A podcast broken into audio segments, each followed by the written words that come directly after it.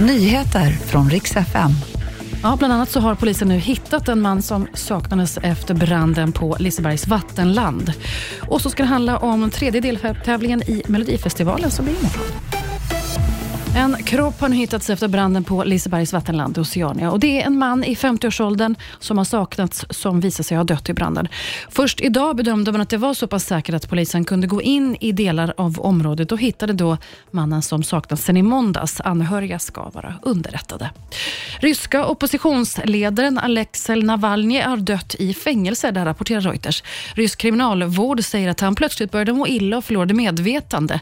Många har reagerat starkt och utgår från att han plats. En fruktansvärt brott mot Putins regim, skriver bland annat Sveriges utrikesminister Tobias Billström.